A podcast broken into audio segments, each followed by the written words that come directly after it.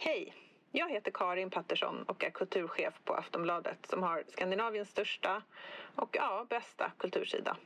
Varje vecka kommer dessutom mitt nyhetsbrev där jag skriver personligt om veckan som gick och gör ett urval ur veckans bästa texter och poddar. Både hos oss på Aftonbladet Kultur och på andra ställen.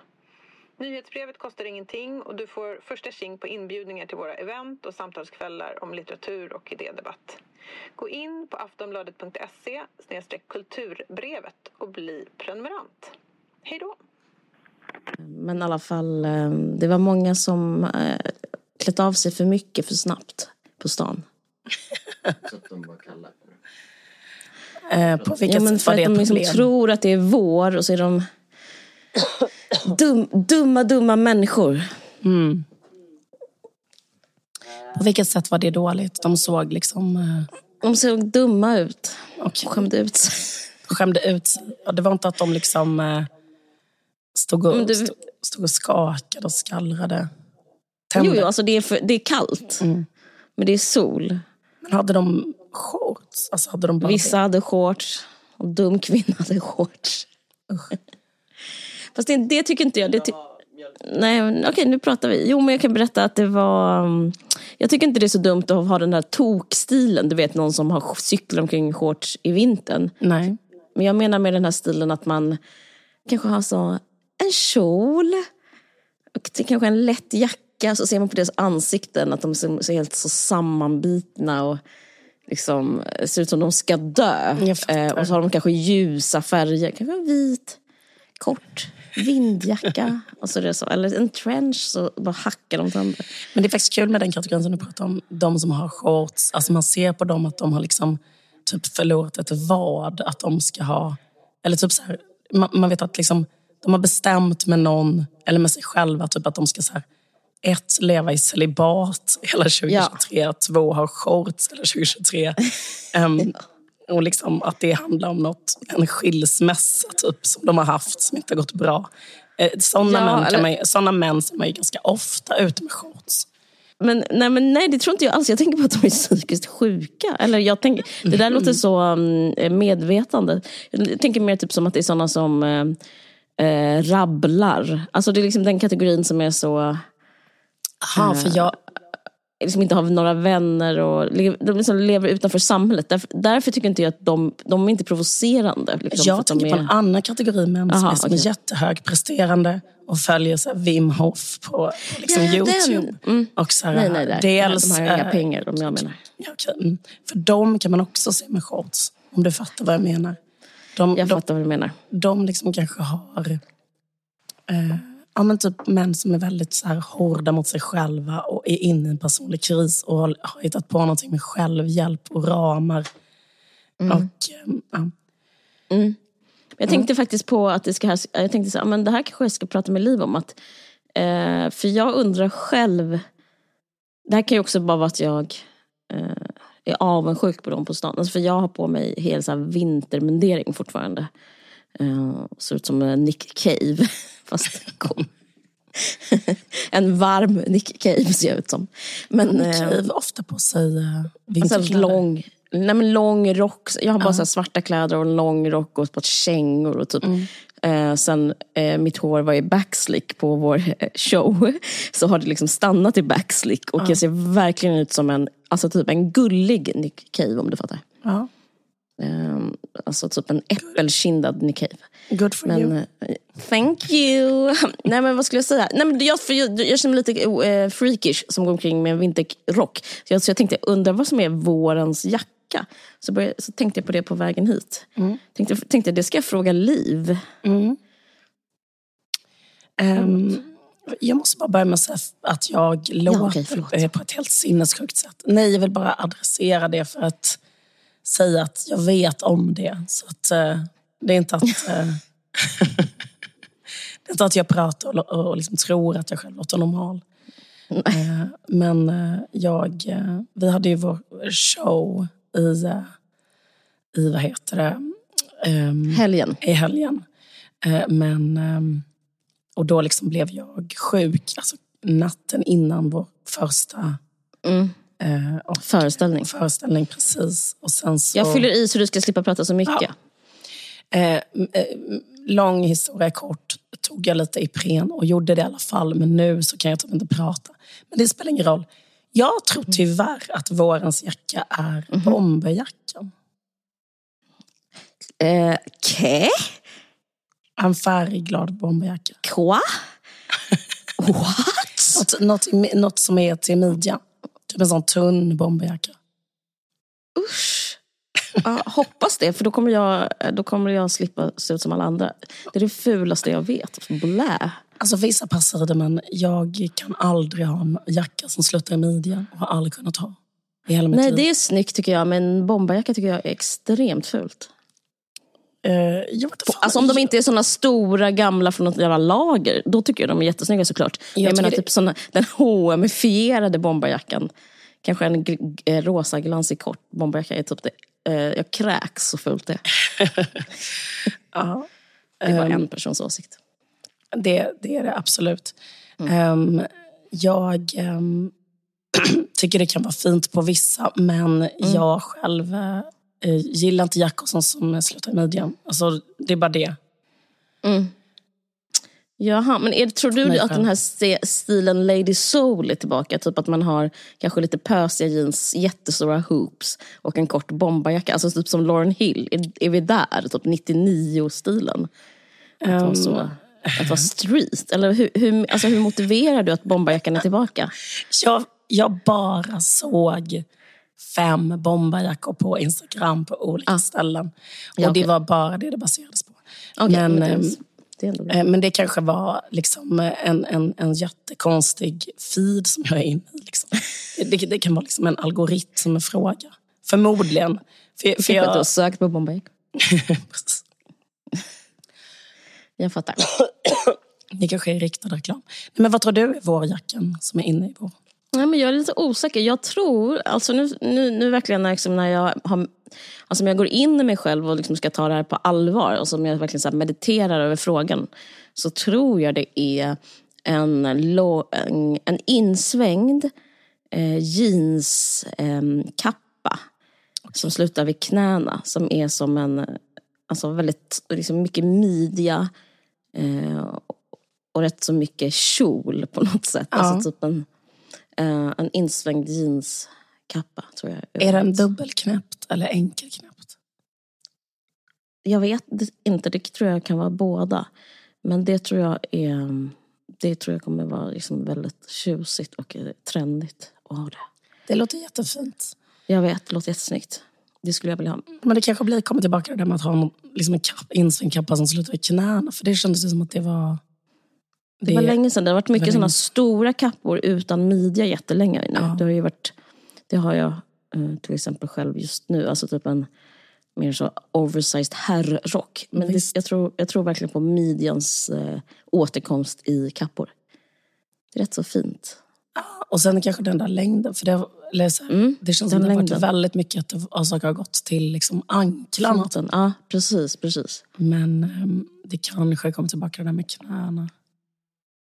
Jag håller precis ovanför. Vad fan. Eh, att vim, vimsa omkring i en gullig kappa. Vad är det? Mm. Det är typ ett avsnitt av Lilla Drevet när jag pratar om Belinda Olssons program. Alltså detta är tio år sedan. Att hon hade en sån Ja, hon, jag vet exakt vad du menar. Hon har så mycket såna färgade olika kappor, ja, precis, att hon liksom så... Vi, liksom, vad ska man säga? Det- Vimsade alltså, omkring med kanske vi. Vinden tar tag i hennes lugg och Ja. så har hon en sån kappa så är hon typ eh, vid, ett, vid en spårvagn någonstans. Och så har hon ett program som handlar om att så här, feminismen hade fel. Ja, I gud en sån- Det är så ärtgrön kappa. Till äkta 2013. Jag är det. Och verkligen starkt.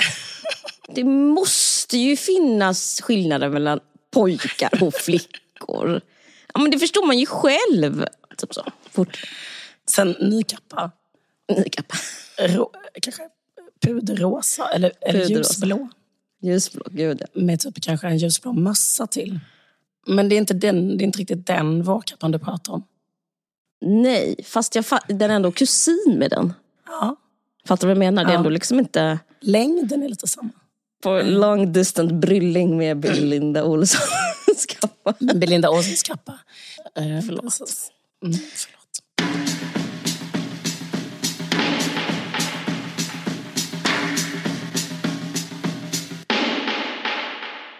Hur känner du dig efter showen? Jag känner mig typ helt slut. Det är därför kommer detta, program, liksom detta avsnittet, tyvärr, ni som inte var på showen, ni som var för snåla att gå dit, ni får stå ut med att det här avsnittet kanske blir ganska eh, paj för att vi är så jävla trötta och slut i huvudet. I alla fall jag. Jag kan inte ens prata som du märker.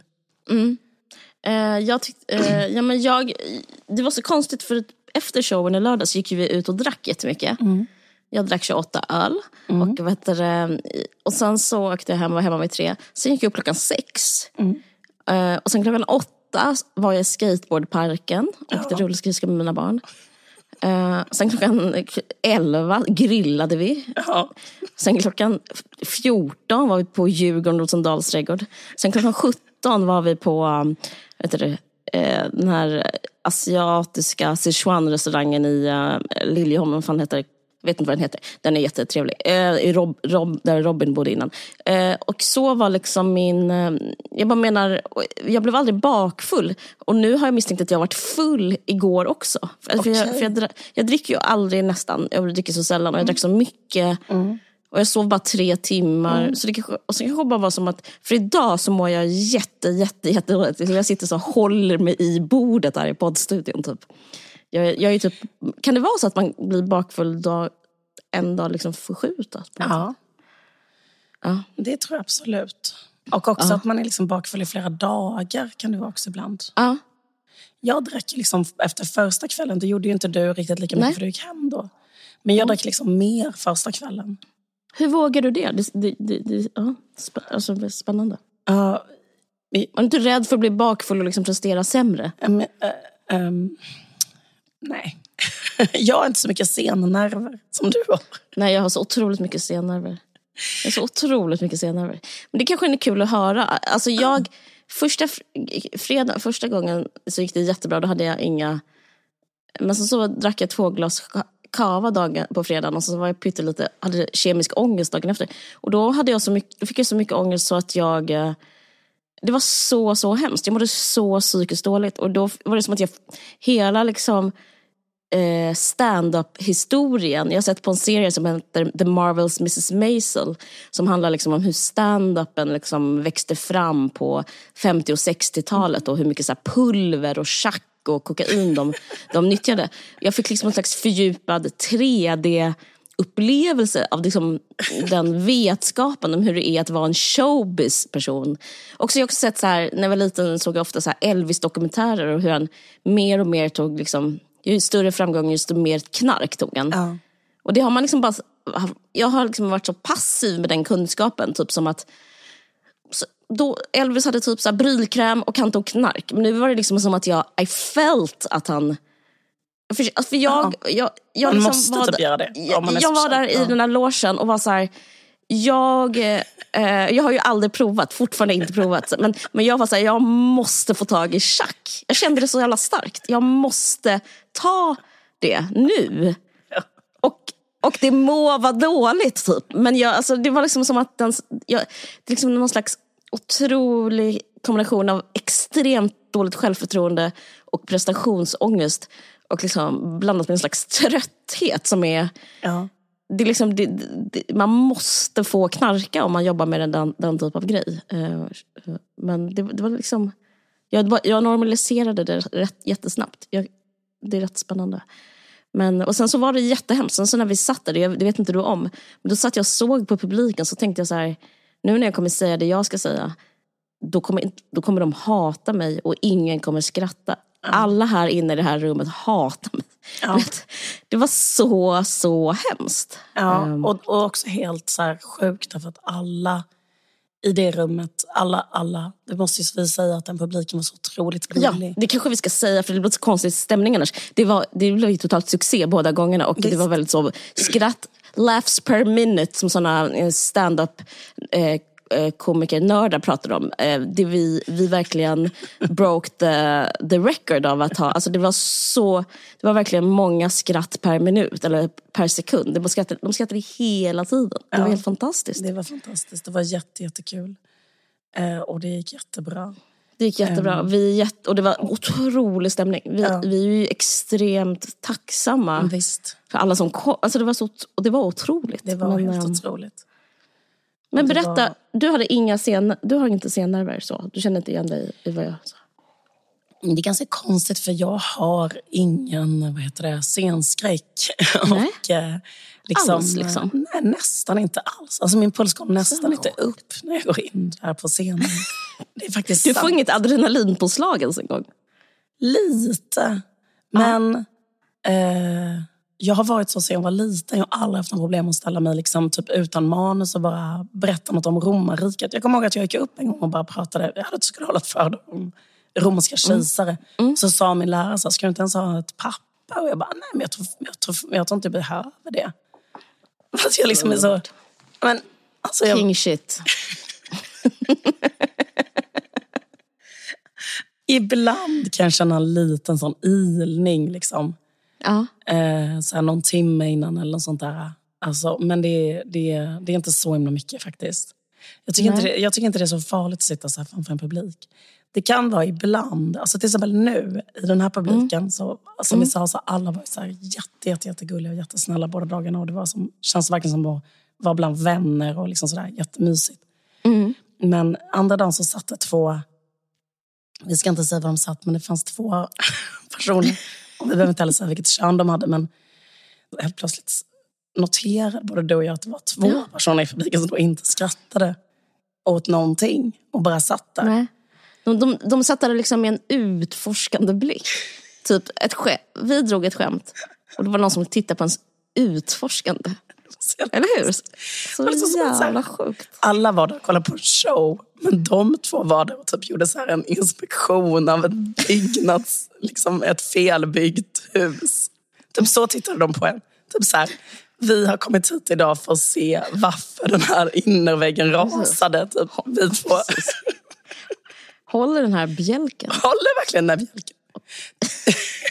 Det var som de tittade på så här, vem fan gjorde den här spiraltrappan? Liksom så, liksom så tittade de på vår show. Ja. Och då blev jag paranoid eh, Ja. när jag satt där uppe. Men grejen är att jag undrade också, jag började fundera på om det hade att göra med, om det har att göra med hela den här nya så här, kvartalgrejen. Ah, Att intressant. Liksom, att jag var så här, är de kvartaljournalister? Var det, var det jag tänkte direkt. Och är de här nu för att du och jag är deras nästa såna gräv? Ah. För att tidningen Kvartal har ju börjat ha så här, äh, gräv där de tar ner vänsterpersoner. ja. De började med att ha, och, och vänsterpersoner, det här är människor som jag inte ens kallar vänsterpersoner. Det skulle jag precis säga. Det är verkligen en en generös definition. Nej, men liksom, i, I det nya politiska landskapet så är ju vänster, alltså Centerpartiet är vänstern för de här människorna. Mm. Ehm, men i alla fall att de har börjat göra så här, de hade liksom ett, eh, de började med att ha ett jättestort grävande reportage om Nina Rung. just det. Eh, och där de liksom så här, försökte mm, vet du, driva i hamn en enormt långt grävarbete som handlar om att hon är fi, bara fil. kand. kriminologi. Mm, just och då det, det var tycker inte de särskilt att- elegant av dem. liksom, jag menar, vad är... Alltså jag vet inte fan. Jag vet inte vem som... Alltså jag vet inte om hon någonsin har sagt att hon har doktorerat i kriminologi eller att hon har läst... Eh, liksom, Nej, men det är ju att hon har kallat sig kriminolog. Det var deras case ju. Ja, men jag vet inte är när man... Ja, men när, jag vet inte om det... Man kan väl ha läst 60 poäng kriminologi. Eller jag vet inte, jag tycker inte det, är så här, jag tycker inte det var Ja, något ja, ja. eh, ja, precis. Men jag menar, det var det de eh, hängde upp Ja, det var det de hängde här upp allting på. tusentals tecknen på. Att, att Precis. hon sa att hon var kriminolog, men hon har bara läst Ett och ett halvt år kriminologi. Precis. Ehm, men i alla fall, och sen så har de gjort det här gigantiska grävet om Alex Schulman nu då. Mm, Och det tror jag beror på att han är liksom sosse eller att han typ har sagt någon gång att han röstar på sossarna. Eller? Mm. Eh, För de är liksom Självklart. En, en, ja, de är liksom en konservativ, um, konservativt, vad ska man kalla det, nätmagasin. Men, men det, jag tyckte, det- för det är liksom lite ett nytt liksom, medielandskap. Det var det jag tänkte liksom, det som gjorde mig paranoid. Då, för att innan har det ju varit, regeln varit att det är bara vänstern som attackerar vänstern. Liksom att, jag har aldrig blivit granskad av en högerperson eller kritiserad. Nej, gud. Så liksom, traditionen i Sverige är att vi sköter det själva. Att Ja. hugga ner varandra i ryggen. Det är som den där... eh, Det är en intern affär.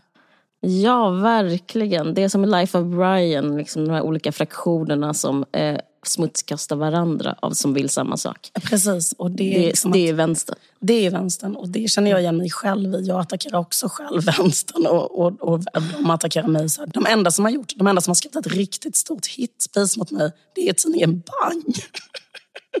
Nej.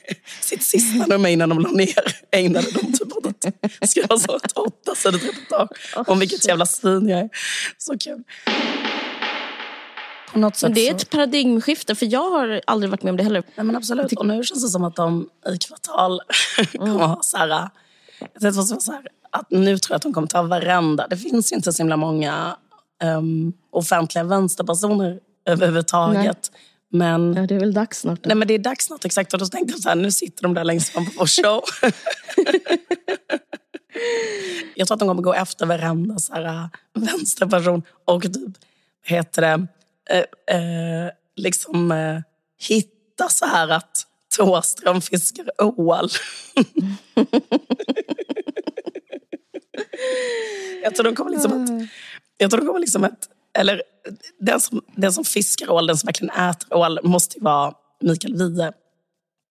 Men jag skulle Ja, också kunna tänka mig att, att de kommer som att ligga utanför som Mikael Wiehes hus med en sån teleskopkikare och försöka kolla vad han äter. Och, men jag kan också tänka mig att till exempel att Thåström fiskar någonting.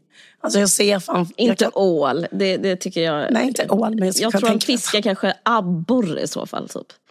Jag skulle kunna tänka mig att, så att han fiskar kräftor utanför Ja. säsong. Alltså typ att han lägger kräftburar. Kan du tänka dig att han sitter med en cigg och en roddbåt och lägger ner såna där, eller typ hummertinor. Jag vet inte om det finns i Sverige. Men alltså, någon, alltså han typ, när det är, när det är må, månsken så gillar han att Mm, ro ja, ut och lägga ner såna tinor och fiska upp någonting som är fel säsong. Just det. Ehm, och det kommer Kvartal ha ett jättestort reportage om.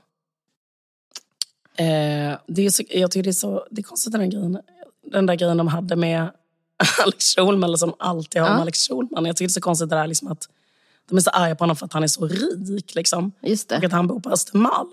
Och det är de också arga på hela tiden. Som att varför högern är arga på så här rika personer som röstar på sossarna. Eller så. Nu vet, vet inte jag om han ens har gått ut och sagt att han röstar på sossarna. Men han brukar skriva saker mot rasism ibland. Och så. Det kanske Han brukar skriva att han hatar Ulf Kristersson. Han brukar Ja. typ så här raljera Ulf han, han, han debatterar från det hållet lite grann. Men, ehm, men då liksom just det här caset så här att han har eh, att han är ute på, på Stureplan eller så. För att, Ja, jag tycker det är det. så jävla konstigt för det är, så här, det är ju det, liksom, de tycker väl att folk ska vara eh, så de älskar ju det. Ja, men de vill väl att folk ska vara entreprenörer och tjäna sina egna pengar. Och Mm. Pengar är inte fult, det Nej, inte fult att tjäna Men- Eller pengar. jantelagen. Det är väl liksom det. de, Det- det är det, super- är de som säger... Liksom, det, det, Ja, de får det- bestämma sig. de approprierar vårt klasshat mot en struktur som de själva underlättat för, nämligen att försöka sänka skatten för rika och göra, Ja. liksom, öka klassklyftorna i Sverige. Och sen Ja, när människor då, till exempel jag då, som har eh, fått jättestora skattelättnader på grund av förra Mm. borgerliga regeringen tog, ju- tog ju bort bolagsskatten, vilket gjorde det mycket, mycket bättre för människor som har aktiebolag. Ja. Så att först gör de det. Och sen så får man då svinbra ekonomi om man är en framgångsrik kulturarbetare.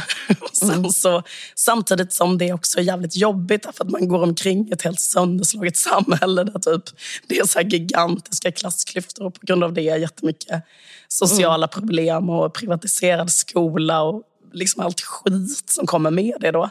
Men när man själv kanske då i alla fall har 20 procent mer pengar än vad man skulle haft annars. Typ. Även om det Mm, inte visst. hjälper så jävla mycket i liksom, när man ska försöka så här, eh, sätta sina barn i en äcklig privatiserad eh, skolmarknad. Liksom. Men Ja. då eh, så är de arga på en då för att man är rik. Typ. så, här, Ja. så bara, varför är du rik? På grund av dig. Precis. Det är på grund av er som Alex Schulman är rik. Verkligen. liksom. så här, liksom. Men ett Men sånt det- hitspris skulle de kunna göra. Men jag tror att det är liksom att det också så här att det finns någon eh, alltså på något sätt det finns något gulligt konservativt över den typ av kritik. Att det är så här, hur, hur kan han vara vänster och ändå gå på Stureplan och hur kan de tjejerna, det är så här släkt med att hata transpersoner också. Att man bara vill att alla ska vara i sina kategorier. Att ingen får liksom vara transcendera, ingen får överskrida någonting. Att man ska vara så här identitets politiskt korrekt. Liksom. Eh, en vänsterperson ska ha en sån tygkasse och eh, en sosse ska bo i Vällingby. Och typ, eh, Vällinge. Eller Vällingby. Vällingby, där, vet du det? Heter det? Ja, eller, ja, just det. Mm. Det, var ju, det var ju där um, Olof Palme bodde. Eh, Ja, ja, förlåt, jag, lys- jag hörde fel. Ja, vad du Jag lyssnar Jag inte. trodde, förlåt, jag lyssnar absolut inte på vad du säger. Jag trodde du pratade om var Moderata ska bo, säger jag Vellinge. Nej, men, Men att man vill att man, liksom, att man får någon slags eh, nästan Ja. så barnslig ångest av att eh, kategorisurfa eller kategoritranscendera. Att det liksom så här, eh, typ eh, unga vän, arga vänstertjejer får inte ha pengar och det får inte typ eh, Alex Schulman heller. Utan allting ska bara, det är bara typ eh, Brat som får ha pengar, annars får de ångest. Alltså, jag tror bara, det låter så emotionellt att liksom få ångest av att någon som är vänster har pengar. Liksom. Men ehm, Ja, här väldigt psykologiskt. Men, Men, ja. antingen så var det de som var på vår show och de Just det. Gräver, och ska gräva om oss nästa gång. Men, eller så var det att, eller så tänkte jag på en annan sak, att kanske kommer fortsätta gräva om Alice Schulman och gräva om den här boken. En annan bok som han har gjort som är den här Att vara med henne som att springa upp för en sommaräng utan någon som blir trött. Och då skulle. Mm. de kunna, den handlar om när han träffade Amanda Schulman. Då skulle de kunna gräva om den boken genom att träffa olika människor och intervjua dem. Som inte tycker så om Amanda Schulman. Men vad, vad menar Typ du, hur hamnar de på skala för det? Eller på vår show? Nej, Ja. inte på grund av vår... Alltså jag tänkte att antingen gör de om oss nu, men jag tänker annars hade de kunnat Jaha, göra... du menar vad, vad, de, hade börjar med också sin karriär göra, nu? De kommer kanske göra om oss. Okej. Det finns Eller inte tar de nästa jättemånga som... Det finns inte så jättemånga som skriver eller säger någonting mot borgerligheten. Då får kanske de göra Alex Schulman en gång till. Och där har de Ja. kunnat fortsätta och göra till exempel ett gräv om den boken. Och det skulle vara kul för de intervjuade människor som har träffat Amanda Schulman och inte tycker det att vara med henne är som att springa upp för en sommaräng. Ja, det De skulle, kunna gräva, de skulle kunna gräva genom att träffa sina gamla skolkamrater till henne. Ja, Och intervjua kanske så här Verkligen. 800 personer i hennes bakgrund. Ja, det var bara ett tips. Men jag undrar, ja, precis, för jag funderade på vad som skulle hända härnäst. Eller att de gräver om typ Erik Rosén. Oj, det, det blir riktigt svårt. Han är verkligen, eh, jag känner ju honom lite. Han är verkligen what you see it, what you get. Tyvärr. Det är verkligen lite med honom som är extravagant. Han bor ju i Årsta till exempel. ja, men jag menar bara Det blir inte värre än så. Alltså det blir inte mer sossegrått. Förlåt Erik. nej, Men, men, och så har han inga extravaganser. Och han röker. Han är exakt vad de vill ha. Jag tror han är faktiskt en favoritsosse. Innan vi liksom avslutar eh, show, prata om showen vill jag tacka alla som hjälpte oss. Alltså de som hjälpte oss med håret och sminket. Och så, för det var så himla kul. Jag vill verkligen säga någon positiv grej om det. Ja. Att det var så... Alltså jag förstår att man blir biten. Alltså det- blir biten av liksom livet. Ja, jag, Jag för, det, för det är så himla mysigt. Ja. Och, och känna liksom att man eh, är typ med en Är familj. Ja. Eh, precis. Nej, jag menade faktiskt inte det. man, är, typ man har är- familj, men man är också i centrum av familjen. man är, man, ja, det kanske får vara som mellanbarn, för man vara, får vara minstingen för en gångs skull. Typ. Är Den som får bestämma. Nej, men jag bara tyckte det var så himla mysigt. Och jag tyckte så, att vi blev så himla fina. Jag, jag, jag har ju fått en stil, ett stil um, genombrott med Alltså jag började ju en backslick. Jag pratar om mode igen nu. otroligt. Ja. Och, nu känns det som att varje dag jag inte har backslick är liksom en dag förlorad. Ja. Det känns bara liksom som att det är helt meningslöst att leva med vanligt hår. Det känns så hemskt. Jag vet. Eh, Jag vet. Och, och också, också inte ha sån här scensmink. Känns Jag också jag vill inte leva om jag inte ska ha sånt smink varje dag. Nej. Så det känns som att livet håller på att kastas bort dag för dag tills jag ska Ja. ha show nästa gång igen. Jag vet. Eller varför jag inte får på mig typ ett så här knallgult set. Med Ja. typ en ballongkjol och typ ett par så här 20 centimeter höga platåklackar. Liksom, Visst. det känns också så helt sinnessjukt att gå runt utan det när man liksom Ja. kan ha det. Verkligen. Det känns verkligen helt som att livet hade färg och nu så är det svartvitt igen. Mm. Ehm, men jag tycker det är så spännande med så showbiz-folk. Alltså jag har inget, det är inte som att jag har en spaning om det. Jag, men jag, bara, jag bara liksom... Jag, jag kan verkligen förstå hur man kan så förstöra familjer. Alltså jag, jag ser liksom ett helt förlopp framför mig. Jag läste snabbt om Annette Kullenberg. Anna Hedenmo har skrivit om henne. Och så står det typ en eh, väldigt så keff recension faktiskt i Expressen, typ, de kanske nämner på andra raden. Så här. Hon valde karriären framför barnen, typ Annette Kullenberg. Men då tänkte jag så här, men jag fattar typ. Jag fattar. Jag Ja. fattar. Man, man, bara, någon, an- man, är man har sitt liv med en familj. Sen någon annanstans så är det så, äh, raj, da, da, da, daj, typ så här, strålkastare och typ någon sminkare. Alltså, Ja. Det är så, om man har dem som vågskål så är det liksom så lockande att bara så här, ge allt till sitt jobb och vara så eh, känna hur barn och sånt där liksom blir mindre och mindre. Jag, jag känner inte så, men jag bara liksom ser Nej, men jag menar, det är så konstigt att ske någon har gjort det valet. Man vet ju så här, Bergman och dem, liksom, det är klart att de inte så här, gick hem Det är klockan därför det var så fem. keff den recensionen. Vem fan skriver så om en liksom, yrkesverksam människa som är kvinna? Alltså, man skriver ju aldrig som män och nu borde vi lärt oss att man inte skriver som kvinnor. Det är alltså verkligen så gammaldags sexism. Alltså, man bara, Visst. okej. Ja, skit i det.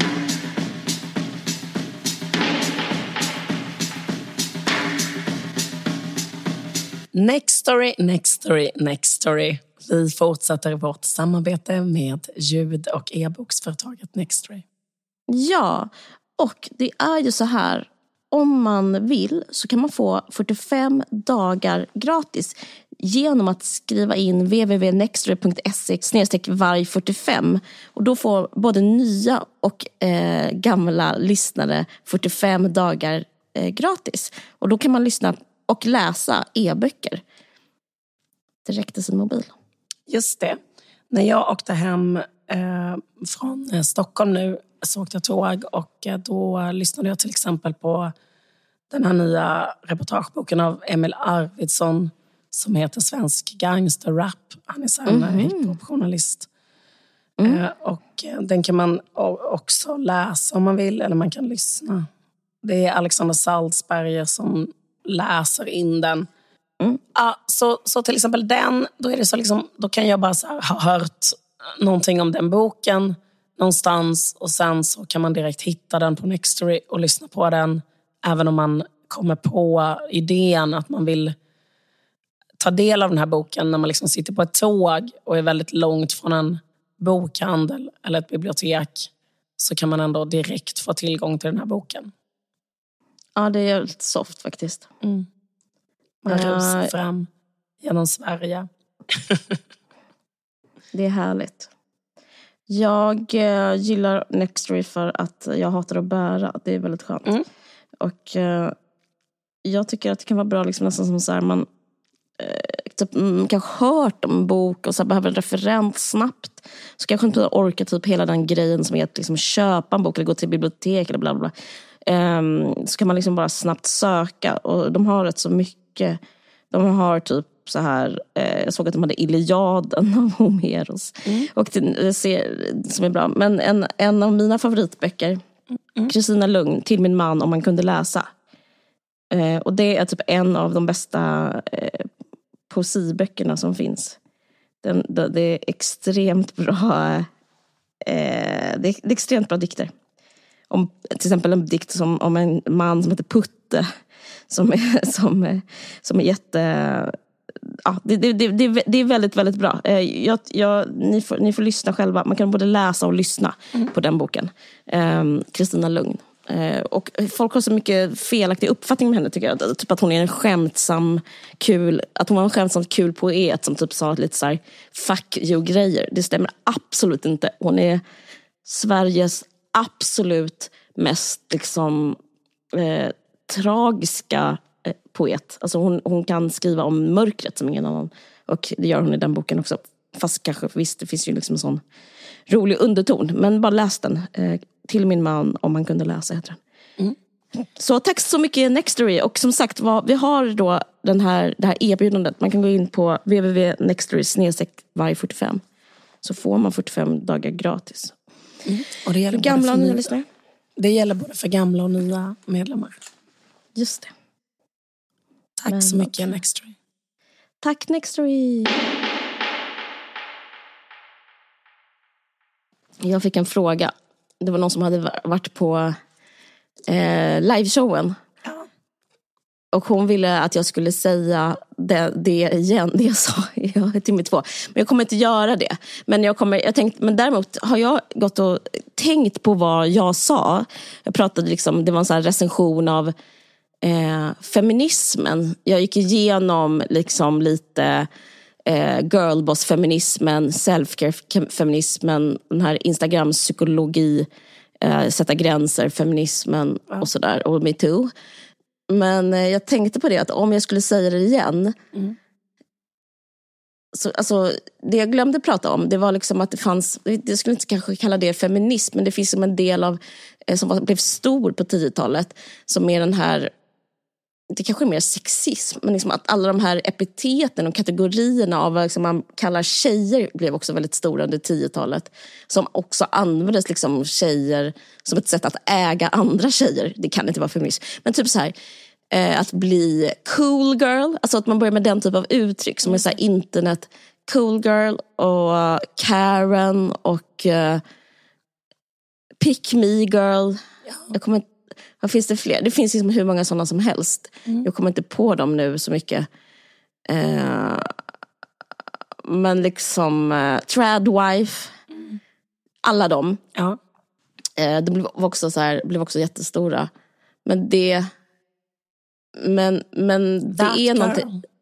Men det vet inte, vad är det för någonting? That girl? Yes, I am that girl. Det var liksom en internettrend. Ja okej, okay. det har jag helt missat. Men jag, ja, det låter ju absolut som, som en sån grej. Ja.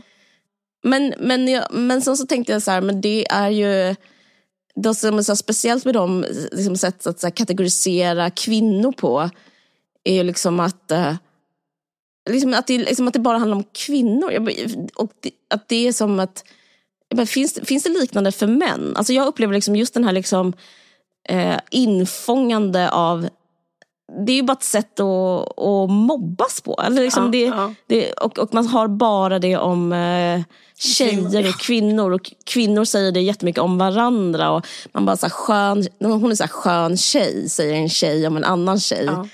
Och att det är liksom som också den här, eh, så här man, manliga blicken som ser, alltså, det är som att man liksom är utsänd typ av en manlig blick och sen så, så gör man en beskrivning av det man ser och sen så, så här, förminskar man den personen och plockar ner henne och sen så liksom har man, kommer man ut med en så här, ja men hon är bara en sån pick me girl, typ en tjej som...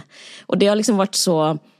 Och det, att säga det har liksom, jag skulle inte säga att det varit feminism, men att vara en sån tjej som säger den typ av ja. grej. Jag har själv varit det här. Eh, eh, typ, jag tror jag kallade Maxwell Ghislaine, alltså hon som var tillsammans med Epstein, att hon var typ en eh, skön tjej. Alltså en, en skön tjej liksom tog det för långt den här grejen. Alltså en skön tjej to end all skön tjej. Att hon liksom började med som en bord, liksom en pimp. Eh, Hjälpa sin man med hans liksom, pedofilring. Ja. ja. och att hon var så chill med det. Liksom, att hon typ till slut började skaffa honom egna eh, liksom, unga flickor. Mm. Vad heter det? Kopplerska. Alltså, man är så mm. skön tjej att man blir kopplerska. Men, men, men eh, nej, jag vet inte, jag har inte så mycket att säga om det förutom att det är också kvinnoförtryck att, att kategorisera människor på det viset och att man aldrig gör det om män. Typ. Det är faktiskt sant, det är verkligen sant. För det är, det är också lite sådana grejer för att tjejer som blir anklagade för att vara pick me girls, jag blir det mm. ganska ofta. Men då är det liksom mm. så här typ att, det kan vara så här typ att eh, Eh, jag vet inte. Det kanske så här, jag är, jag är till exempel så här intresserad kanske av statsvetenskap. Typ, eller så här, för att Mm, eller politisk filosofi. Och då är det så här, ja, det är så här, sånt killämne. Eh, Mm. Och då säger man så här, Va, varför sitter du med en kille och pratar om politisk filosofi? Det är som pick me girl-grej. Mm. Eh, och eh, då är man så här, ah, så vi tycker nu inte att kvinnor ska... Nej. Eh, ska vi bara kvinnor som ska bara vara intresserade av smink? Typ. Och en kvinna precis. som kanske är intresserad av politisk filosofi är... Eller, eller så fattar du vad jag menar? Det är liksom, jag är inte Ja. sur över det här på riktigt. Men det är, så här, det är ju liksom lite fucked up. Det är lite samma som den här grejen. Att så här, varför är du... ehm, va, varför kan du tycka att det är bra med en stark välfärdsstat och höga skatter när du själv har en hög inkomst? Till exempel. Alltså liksom, varför skulle det vara en, en, en motsägelse? Alltså, du vet, det är ju så här som att man liksom... Mm, visst. Eh, eller så här, varför tycker du det är gott med ostron? Eh, När du eh, eh, För- inte vill att eh, så här, människor ska leva på under existensminimum i svenska förorter. Alltså, så. Precis. så. Nej men verkligen. Nej, men det är bara liksom en slags... Eh, men jag tycker det är intressant med just de grejerna för de är så... Till skillnad från att kanske kalla någon kärring så är de här mycket mer så eh, accepterade. Alltså den här typen av glåpord är mycket mer så omhuldade. För det, det, det är mycket mer så, åh hon är en Karen, alltså hon är en riktig bitch. Typ, Ja. som, nej men jag bara tycker det var, alltså det, för jag pratar om det här med alltså vad som hände på 10-talet. Att det var liksom en grej som också så här, jag tycker det är intressant med de som bara smugit sig in. Alltså vissa kvinnohat som bara liksom, de smyger sig in och sen blir det så normaliserat så att ingen skulle ens benämna det som kvinnohat.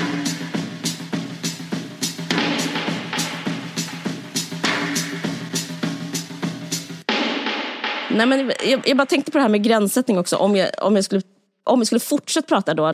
Eh, du, du är den viktigaste relationen du har och eh, du måste jobba på att put yourself first. Och jag kommer inte ihåg alla de här grejerna men liksom olika sätt att säga nej på och också uppmuntras liksom att eh, avbryta relationer om de liksom inte fungerar för en. Eh, för typ man kanske inte är på en plats där det passar med typ ha den relationen med en vän man alltid haft eller med en familjemedlem. Och då är det liksom viktigt att man ehm, väljer sig själv hela tiden. Alltså det är liksom en ny Ja. psykologisk eller så här, psykologitrend. Liksom. Men jag vet inte, men jag, jag fattar inte liksom varför jag studsat så mycket på det här. Men det har också så här, det har blivit så inkorporerat i vårt språk så att det är man tänker nästan att det bara kan vara positivt att liksom sätta sina behov först och våga säga nej. Att det, det kan inte vara något dåligt med det.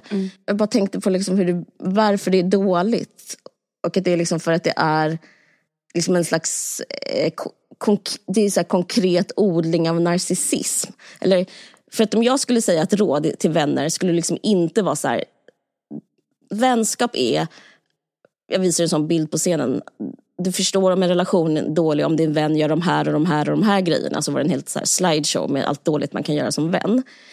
Men jag tror, och det här kanske är liksom jätteradikalt och det kanske inte är helt sant för det är liksom väldigt så här, från andra sidan. Men jag tror eh, när man ska ha relationer att man som vän så ska man inte ha ett enda krav på sina vänner. Det, det, det tror jag. Jag tror också det. Du tror också det? Ja, Och det, det är väldigt ovanligt. Alltså, det är liksom unheard of. Liksom.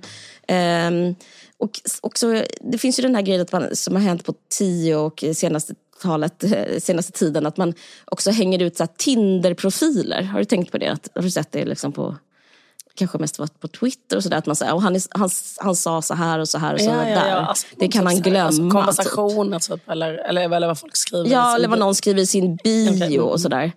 Men det är också liksom samma sak. Att man är typ så här, om någon har den här egenskapen så är inte den värd mig. Det. Mm. är väldigt så starkt, nästan så här, eh, kre, feministiskt credo. Eller det går lite så under feminismens flagg. Ja, Eh, Så här, om den här personen eh, gillar att jag vet inte vad det nu skulle kunna vara. Liksom. Ja. Något, och så, så, men det är också så här, och, att, att hålla på med det är också typ fel på det. Alltså jag skulle säga att det odlar narcissism. Att man tänker typ att människor ska vara till för en själva. Typ att en vän ska finnas för att upp, upp, uppfylla krav för en själv är liksom en narcissistisk tanke. Att liksom man, är, man är ett centrum och andra människor ska spela roller i det centrumet. Eh, Liksom, jag, menar, jag tänker på vänner till exempel.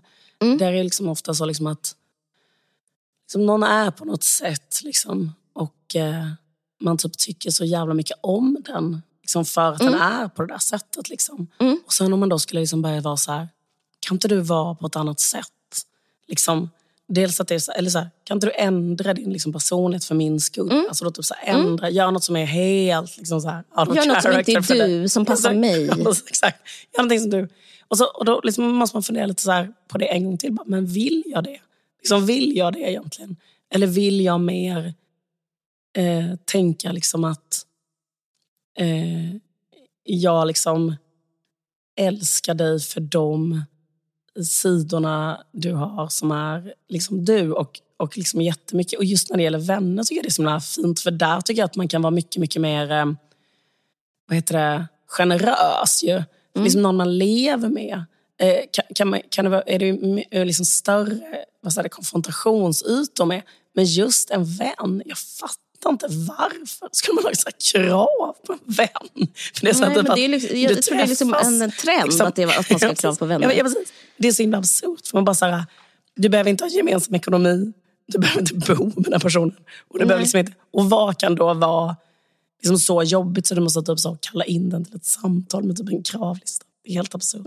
Ja, men det är liksom en väldigt vanlig grej eh, som analys varför man mår dåligt. Det är kanske för ens vänner inte är bra vänner nog. Och sådär. Det. det. brukar stå på såna moderna psykologisidor.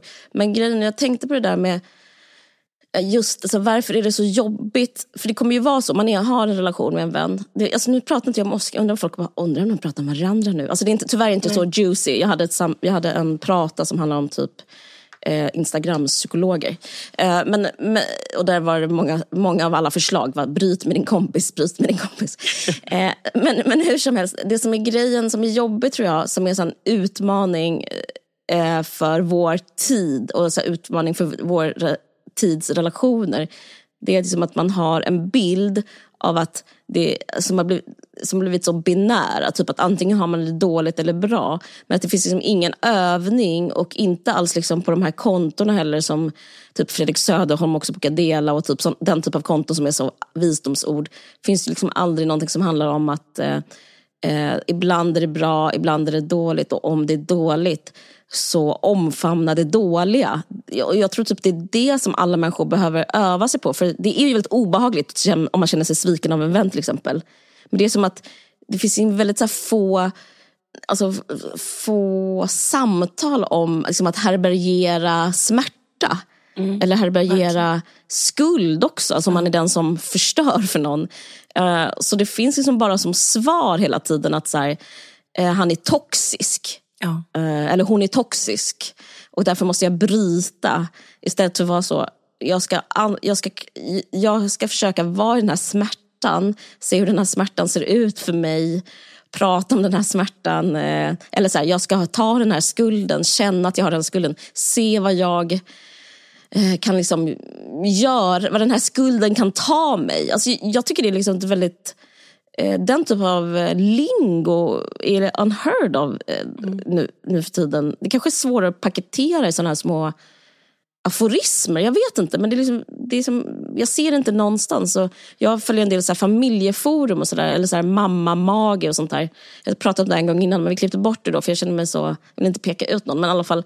Och då handlar det liksom nästan om samma sak. Att hela tiden är det liksom ett, ett lovsång en så här narcissistisk lovsång i, i barn och föräldrarelationer. Att så man, man, ska ha, man ska känna sig hela tiden bra. Och om man inte känner sig bra så finns det liksom en sorts mammahumor som är att barnen är dåliga.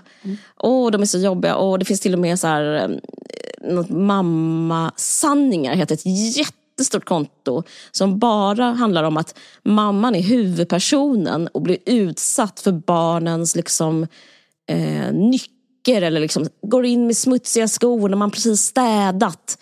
Alltså, Det är också så här, det odlar narcissism.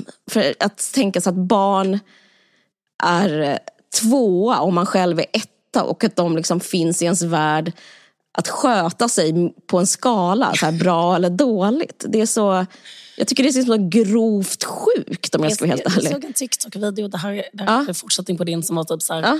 me when I typ hälsar på mina, mina, mina vuxna eh, barn. Så här ska jag vara mot dem när jag liksom hälsar på dem. När, och så var det typ att hon typ så gick in och eh, i typ en vit soffa med typ ett par skor på sig Mm. och typ tog upp fötterna i soffan. Så det blev Mm. jättemycket fläckar.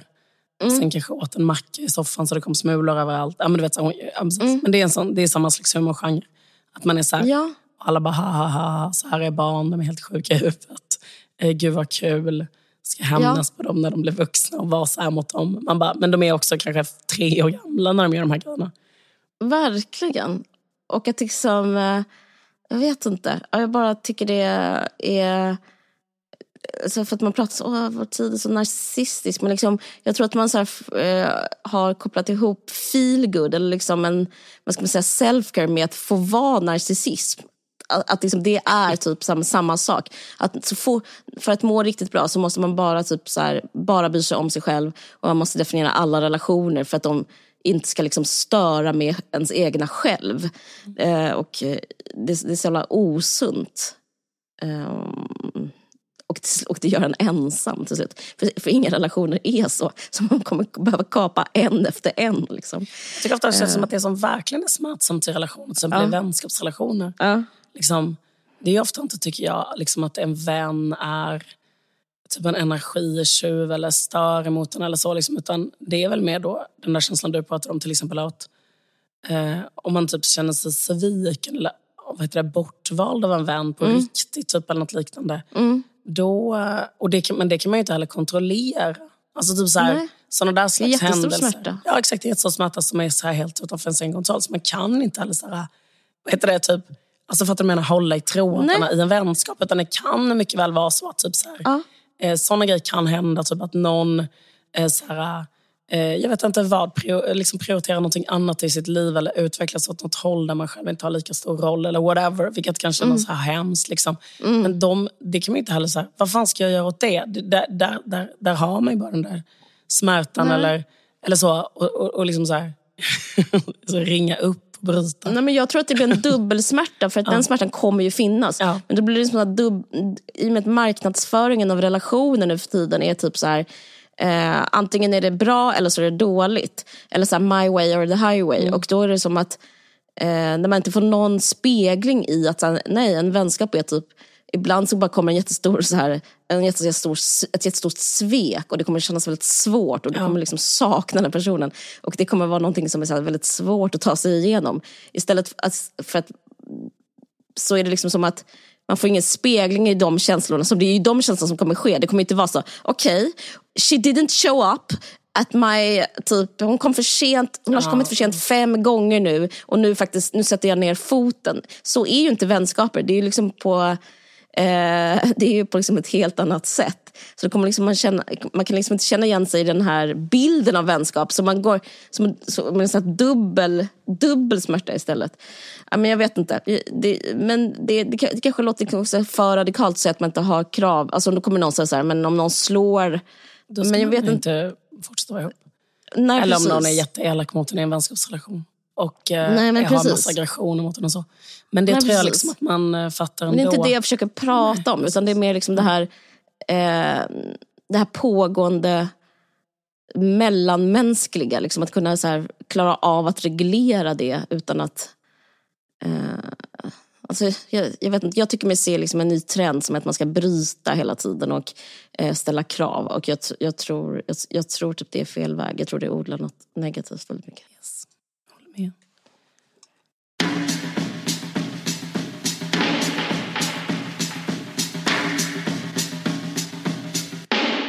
Um, Okej, jag är så himla trött. Och behöver Ja. lägga mig. Jag har typ feber. Då får du åka hem. ja. Bra jobbat i helgen och tack alla ni som kom. Men, Okej. men vi vill bara, jag vill faktiskt bara säga tack en gång till till alla som kom för att det var så jävla trevligt. Alla var så himla gulliga. Och också vill jag säga tack till alla er som har lyssnat i tio år. eller lyssnat, börjat lyssna detta avsnittet. Men eh, det betyder jättemycket för oss. Så eh, stor eh, kram till er. Ja, tack så hemskt mycket. Jättekul. Yes. Eh, Okej, Ha det så bra. ha det så Också för bra. att ni alltid är så jävla gulliga. Ja, det var jättekul att träffa så många lyssnare. kul. Det var verkligen positivt. Ja. Eh, Okej. Får jag bara säga en sak? Får jag bara säga en sak? Jag ska reklam. Eh, Jag kommer, jag kommer vara, uppträda på Salongen, eh, Södra Förstadsgatan, kanske 31 i Malmö. 31 eller 81. Det är förlaget Ellerström som har en litteraturafton som heter Salongen. Nu på fredag, nu när ni gör det här avsnittet. Så det vore kul om ni kom dit och lyssnade. Jag pratar, om min, jag pratar faktiskt om eh, mitt, eh, hur jag behandlar Malmö i min... I din bok? I, min, i, min, ja, i alla mina böcker. Okej. Mm, precis. Det är Malmö-romantik. Jag, skriver, jag har väldigt mycket rom- Malmö-romantik i böckerna. Det är det som är vad heter det, rubriken. Jag tror det. Jag vet inte. Men välkomna då. Klockan, 18, klockan 19 menar jag. Eh, Södra Förstadsgatan 31 eller 81, jag minns inte. Okej. Okej. Okej. Ha det så bra. Ha det bra. Hej då. Hej. Du har lyssnat på en podcast från Aftonbladet. Ansvarig utgivare är Lena K Samuelsson.